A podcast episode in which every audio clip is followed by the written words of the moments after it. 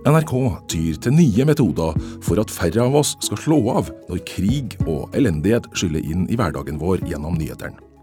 Nå vil de som første store redaksjon i Norge begynne å jobbe bevisst med konstruktive nyheter. En undersøkelse Trøndelagsforskning gjorde i 2016, viser at det finnes en stadig voksende gruppe av nyhetsunnvikere blant oss. Én av fem unge kvinner unngår nyheter bevisst. Kanskje er mer positivt vinkla nyheter løsninga på dette problemet. Men hva er den konstruktive journalistikkens utfordringer? I Kurer i dag får vi høre om de erfaringene som er gjort i andre land der metoden allerede er tatt i bruk. Jeg heter Lars Erik Ertsgaard Ringen. I jula fortalte Kurer for første gang om konstruktiv journalistikk, en metode som til nå er mest brukt i Danmark. Men nå er de konstruktive nyhetene også i ferd med å komme til Norge. Mitt navn er Kristian Hovstad. Jeg er vaktsjef i Her og nå, og skal òg være prosjektleder for eh, et prosjekt som skal fornye deler av vår sending framover. Og da er det bl.a. et av redskapene vi skal jobbe med, er konstruktiv journalistikk. Vi skal satse på å gi lytteren litt mer håp og framtidstru, og til og med bli oppløfta Hvorfor vil dere ha inn mer konstruktiv journalistikk? For å nå lytterne våre. Eh, vi opplever jo stadig at eh, ting vi leverer kan stoppe eh, med de vanlige nyhetskriteriene. Sant? Vi leter etter problemstillinger, vi fremmer problemet, og vi utdyper problemet, og hvorfor ble problemet som det var, og så stopper det der. Og så ser vi jo at det som skaper noe mer, er jo kanskje når en først snakker om løsningene. Det som kommer etterpå. Eh, og vi er jo òg plassert ganske OK i nyhetsløypa. Mange ting er etablert for morgenen av. Vi kan gå videre, vi kan lage mer, vi kan snakke om løsninger. Vi kan komme lenger i nyhetssaker. Det privilegiet, har vi hatt, og vi ønsker å ivareta det med å gå inn i konstruktiv eh, modell. da. Vi jakter på løsninger, jakter på, eh, på ting som kan blomstre, og ikke bare det som bygger ned. Målet må være at det gir lytterne et langt større bilde av hvordan eh, ting henger sammen. At en tør å snakke om òg det som går bra. At ikke en stopper med det som går helt forferdelig, men at en litt oftere kan finne det gode eksempelet for å illustrere hva som eh, kan fungere, når kanskje mesteparten ikke fungerer. At en snur litt på sakene, men får samme, kanskje samme inngang, kanskje samme grunnkilde til saken, men vinkler det på de som har fått det til. Eh, de som kommer et steg videre, eller de som kan fortelle hvordan en kan komme et steg videre. F.eks. i klimadekningen så hadde vi en temasending om klima der vi hadde veldig mye fokus på hvordan en kan løse ting. Mye teknologi, psykologi, andre ting som forteller oss litt om hvordan vi kan komme videre, løse ting. Det gir en helt annen eh, opplevelse av det å lytte. Det gir mening. Eh, og Det er jo ikke tvil om at det er lettere å gi mening når en er konstruktiv, enn når en er destruktiv. Her og nå på NRK P1 ser ut til å bli den første store redaksjonen her i Norge som målretta jobber med å få konstruktiv journalistikk inn i programmene sine. I Danmark har mange av landets største redaksjoner lenge jobba med slike nyheter. Og i øst begynte Sveriges Radio for omtrent ett år siden å forberede en satsing på konstruktiv journalistikk, og fra nyttår har lytterne hørt resultatet i sendingene. Fram mot det svenske valget i 2018 er målet et mer nyansert og konstruktivt nyhetsbilde. Kurers reporter Anna Iversen møtte prosjektlederen for satsinga, Louise Velander, som er sjef for SR dokumentar og drama på radiobransjedagene Radio Days i Amsterdam. De fant seg en krok for å snakke om konstruktiv journalistikk. Vi er jo virkelig i begynnelsen av liksom hvordan vi vil jobbe.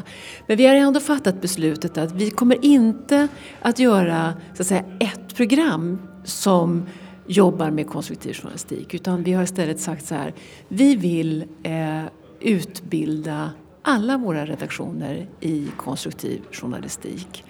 Eh, vi vill, och, då, och det, nu försöker vi åka runt i hela Sveriges Radio. Vi börjar med de lokala kanalerna och vi kommer att workshoppa med den typen av mer konstruktivt liksom, innehåll. Det betyder att vi tittar på vilka vinklar jobbar ni med, vilka frågor är det vi ställer, eh, på vilket sätt skulle man kunna ge ett bredare perspektiv här, eh, vilken typ av debatter har vi? Alltså det finns en rad olika frågor som man kan ställa sig.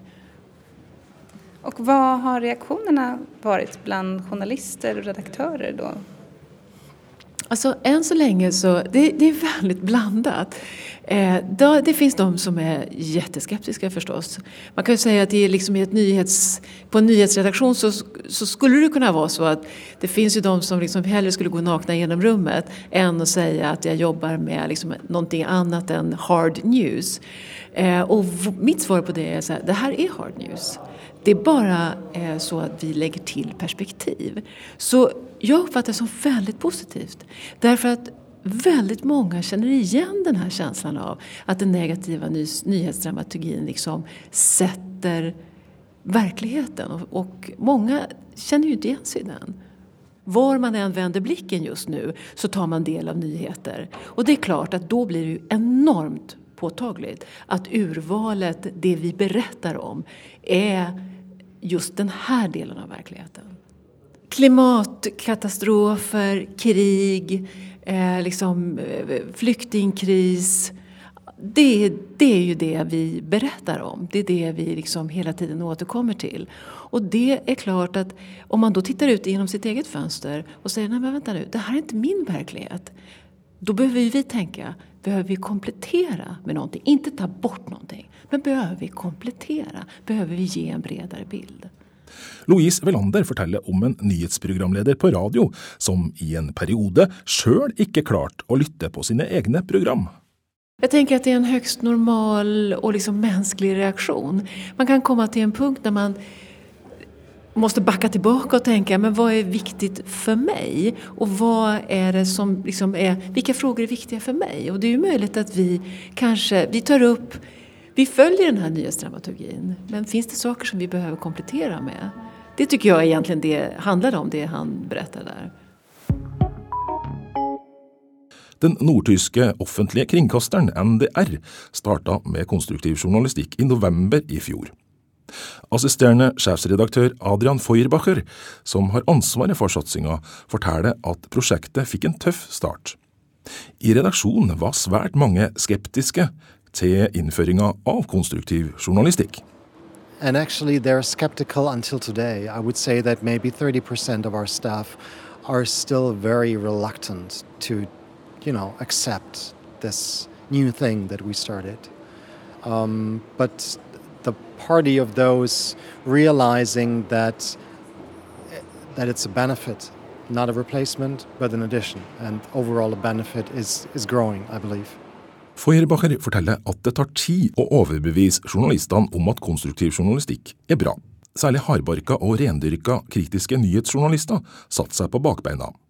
Men Adrian og hans team fikk til slutt gjennomført at man hver morgen fikk plass til en åtte minutter lang nyhetssending med konstruktivt fokus.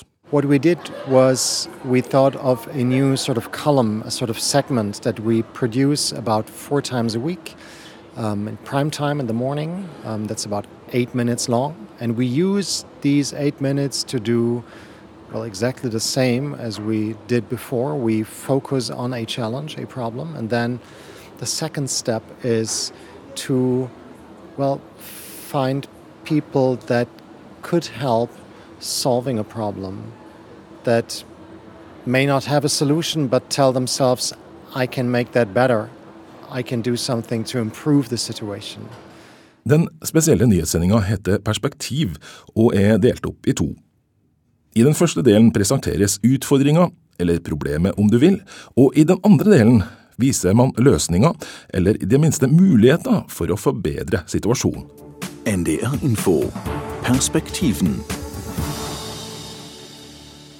Diagnose Krebs. Da geht das Kopfkino bei vielen von uns los. Entweder kennen wir jemanden, der betroffen ist, betroffen war Her tar Perspektiv for seg kreftsykdom.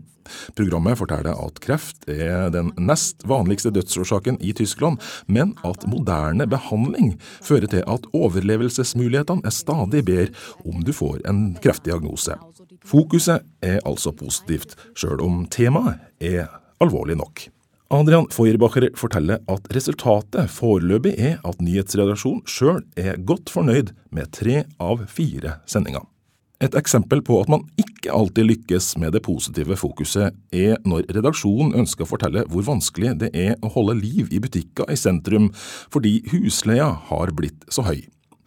Perspektiv laga en oppfølging der de besøkte noen butikkeiere som hadde flytta ut av byen og fått nye kunder.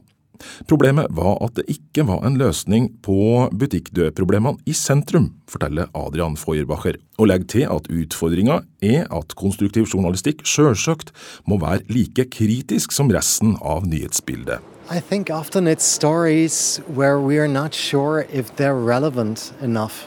You know, I mean, we have news every 15 minutes, so you have hard politics all the time on your station and your program. And so the challenge is to find stories that meet this level of relevance.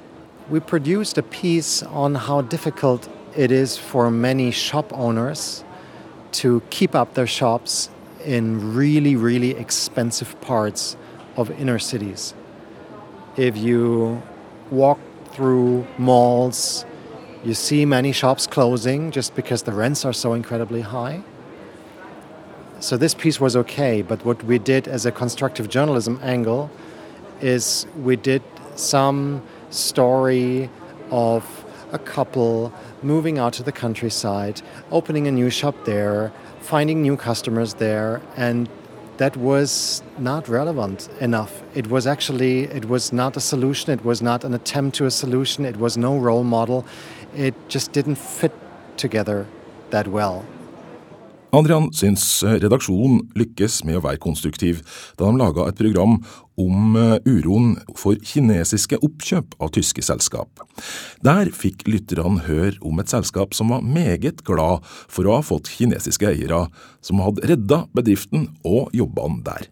We made this piece about the German government being really worried about China, about Chinese investors buying companies all over the place, you know, without being in the market, without knowing that much, many of them just closing the companies down. And then, as a contrast, as a white dot within this really black picture, we found this company in Lower Saxony in uh, the northern part of Germany telling us, well, we just got bought by a Chinese investor and guess what? That's one of the best things that ever happened to us in the entire history of our company because now we have money, now we got new technologies, now we can create new jobs, and they were actually quite happy about that. Det handler altså om å legge til et ekstra perspektiv som er løsningsorientert, sier Adrian Feuerbacher. I politikerintervjuer legger man inn spørsmål som gir mulighet for å snakke om løsninger, eller vise vilje til kompromiss med andre partier. Han er ikke bekymra for at det skal føre til at journalistikken blir mer ukritisk. See, we're.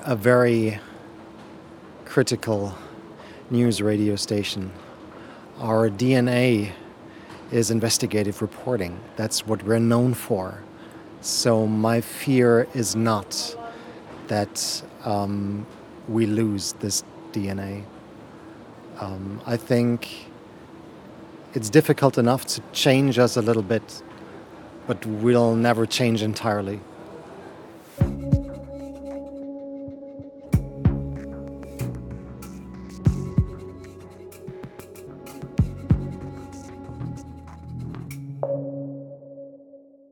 Men det er i Danmark den moderne bølgen av konstruktiv journalistikk har fått best fotfeste.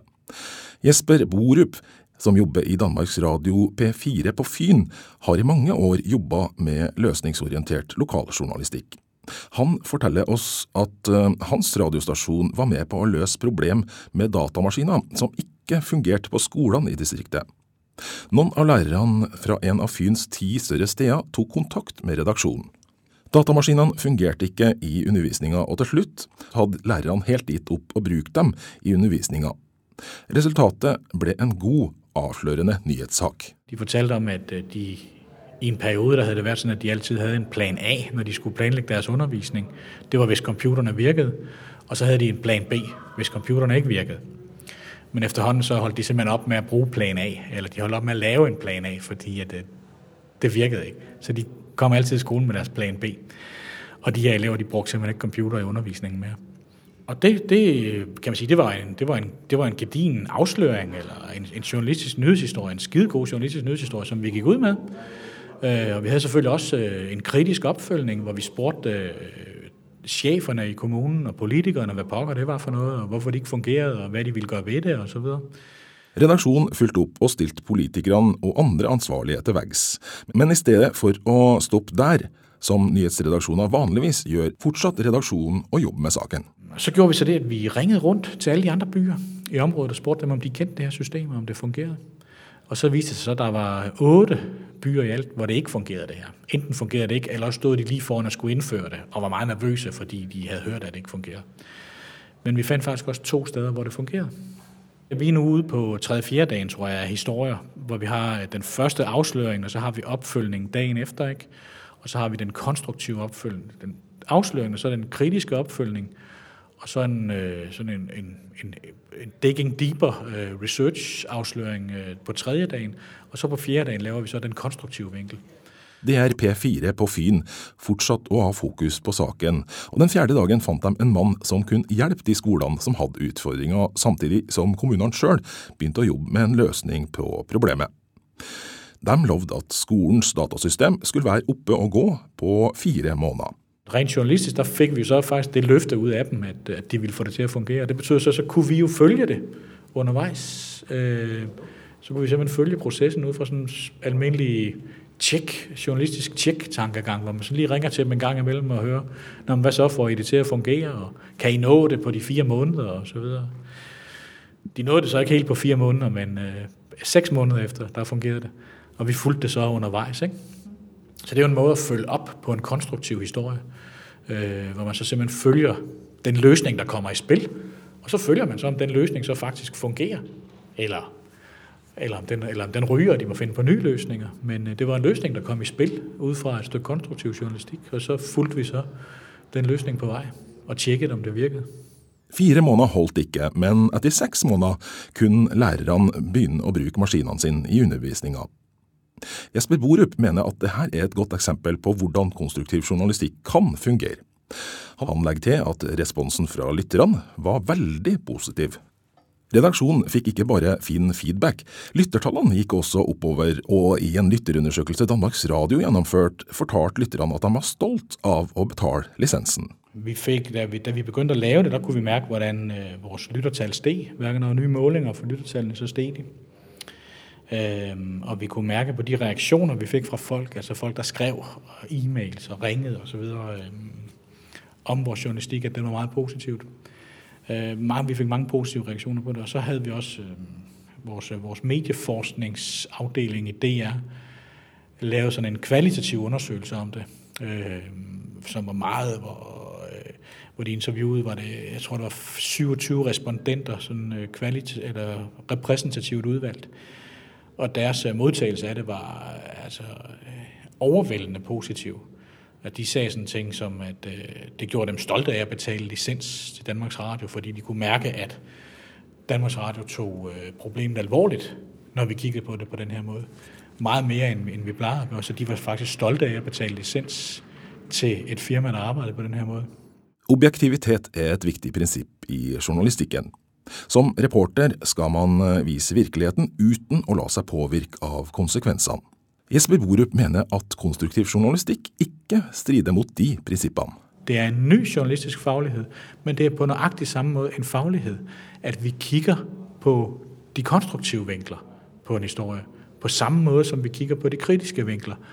Og det er jo ikke fordi at jeg syns at en, løs at en løsning er bedre enn en annen. Det er fordi jeg gjerne vil ha de løsninger frem i lyset som er mulige. Øhm, og, så, og, så, kan jeg fortelle om det. Men det er jo ikke fordi jeg synes, at, at, den ene løsning er bedre enn den andre. Det er bare en ny måte å være faglig på. Men den er i prinsippet ikke annerledes enn å være kritisk. Den konstruktive vinkelen skal være et tillegg til det kritiske fokuset, og som journalist skal du være like utpåvirka i begge tilfeller. Jesper Borup sier at det her er bare en ny måte å jobbe på, der det kritiske går hånd i hånd med det konstruktive.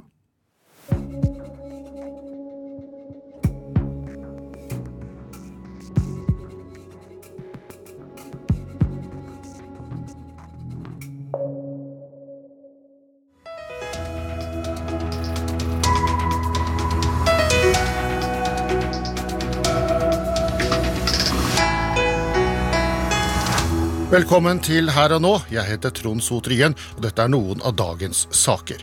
Rektoren i Trondheim med brev til alle foreldre der de advarer mot selvmord blant unge. Sist måned starta altså det populære P1-programmet Her og nå arbeidet med å innføre den samme konstruktive journalistikken. Prosjektleder Kristian Hovstad forteller at lytterne for alvor kommer til å merke forandringene i sendingene høsten 2017. Radioledelsen i NRK har som mål og etter hvert innføre konstruktiv journalistikk også i resten av organisasjonen. Målet er å nå de lytterne som i dag velger bort nyheter. Nei, Det er opplagt at det finnes en gruppe som og eh, NRK har jakter på noe som de kaller for mankogruppe. Altså en gjeng som kanskje litt lavere utdannelse, kanskje eh, spesielt kvinner, eh, litt eh, yngre, eh, som er lei av å pøses fulle av negativitet. Eh, den gjengen der når vi ikke eh, i hele NRK, egentlig. Så vi har en utfordring der. Og det er klart at hvis vi kan ha fremtidshåp og det med, med løsninger litt høyere på agendaen, så er det klart at kanskje vi treffer bedre i øyehøyde på den gjengen der. altså. Det er et mål. Men så må vi jo ikke miste de andre på veien. Så vi skal jo være seriøse, gode journalister som snakker om problemer. Men vi skal også snakke om løsninger. Hvordan vil sendeflata til her og nå forandre seg pga. det her? Ja, nå skal vi jo i gang nå, så for alvor kan jeg ikke si helt hvordan det skal se ut til slutt. Eh, det handler veldig mye om hva som sitter i toppen på den enkelte journalist og den enkelte vaktsjef. Hvordan løser vi saken? Eh, I dag for eksempel, så var det snakk om eh, import av soya som fiskefôr. En konfliktsak som har gått i lang tid. Og så snakker vi om ja men, ja, men hva gjør vi med det her, da? Fins det noen nye fôrtyper og andre ting som kan gjøre noe med det? Er, det? er det gjort noe som kan løse på det? Har vi andre svar? Og det har vi. Men da ble det jo altfor komplisert å lage, så den fikk vi jo aldri lagd. Men det sier jo litt om at når vi begynner å stille nye spørsmål, så blir det nye saker som kan, må løses på andre måter. Hvis det handler om fotballaget, norsk landslag som gjør det helt ræva, så må vi jo stille spørsmål om hvordan kan de gjøre det bedre, i stedet for bare å snakke om enda flere som sier at dette her var helt ræva. Eh, så det er jo på en måte den Det er jo et konkret eksempel, men det må jobbes med den enkelte. Så det er ikke en sånn Det er mer et tankesett på mange vis enn det er en uh, retning i programmet. Så det er litt komplisert å se hvordan det her skal se ut til slutt. Men uh, du får lytte på oss til høsten, så kanskje det blir bra. Prosjektleder Kristian Hovstad viser engasjement for konstruktiv journalistikk, sjøl om han forstår at det vil koste både tid og penger. Altså Hvis vi skal gå den ekstra runden med å lage noe som folk ikke har hørt før, om, om løsningsorienterte retninger på en sak, så kan det hende det tar en ekstra dag.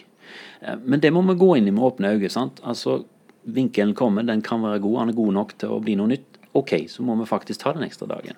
Så dit er vi ikke kommet ennå på hva det skal bety, men eh, kanskje. Altså, det er jo ikke bare her og nå som sitter med svaret på hva som blir konstruktiv journalistikk. Jeg tror mange lar seg inspirere av det her, fordi at alle vet at det motsatte av konstruktiv det er destruktiv, og det er det ingen som vil være. Så i praksis så sier det seg sjøl at det, det åpner for ganske masse eh, kreativitet. Og da ønsker alle å kaste seg på. Så jeg tror det er en sunn utvikling, og jeg tror det er veldig spennende. Jeg tror det gir en veldig gjenklang ute hos publikum. Eh, og kanskje det gir en større drive til å gi hele bildet, som er mottoet til NRK. Eh, først med hele bildet. Jeg tror det er, ligger masse svar i måten å jobbe på med konstruktiv journalistikk akkurat på det. Det er ingen tvil om at konstruktiv journalistikk er et buzzord i mediekretser for tida. Hovstad er likevel ikke redd for at det her bare skal være enda et forbigående motefenomen i journalistkretser. Ja, det ble jo det sist. Eh, det er jo ikke så mange år siden at eh, konstruktiv journalistikk var oppe eh, før òg. Det har jo gått i loop. Så det er jo ikke sånn. Men nå er det voldsomt mye trøkk på det òg, for topp til bånn. Så jeg har vel tro på at det er et visst krav til at det blir gjennomsyra på en litt mer konkret måte enn det har vært før. Før har det vært sånn ja, det blir vel den siste hyggelige saken, det som er konstruktiv.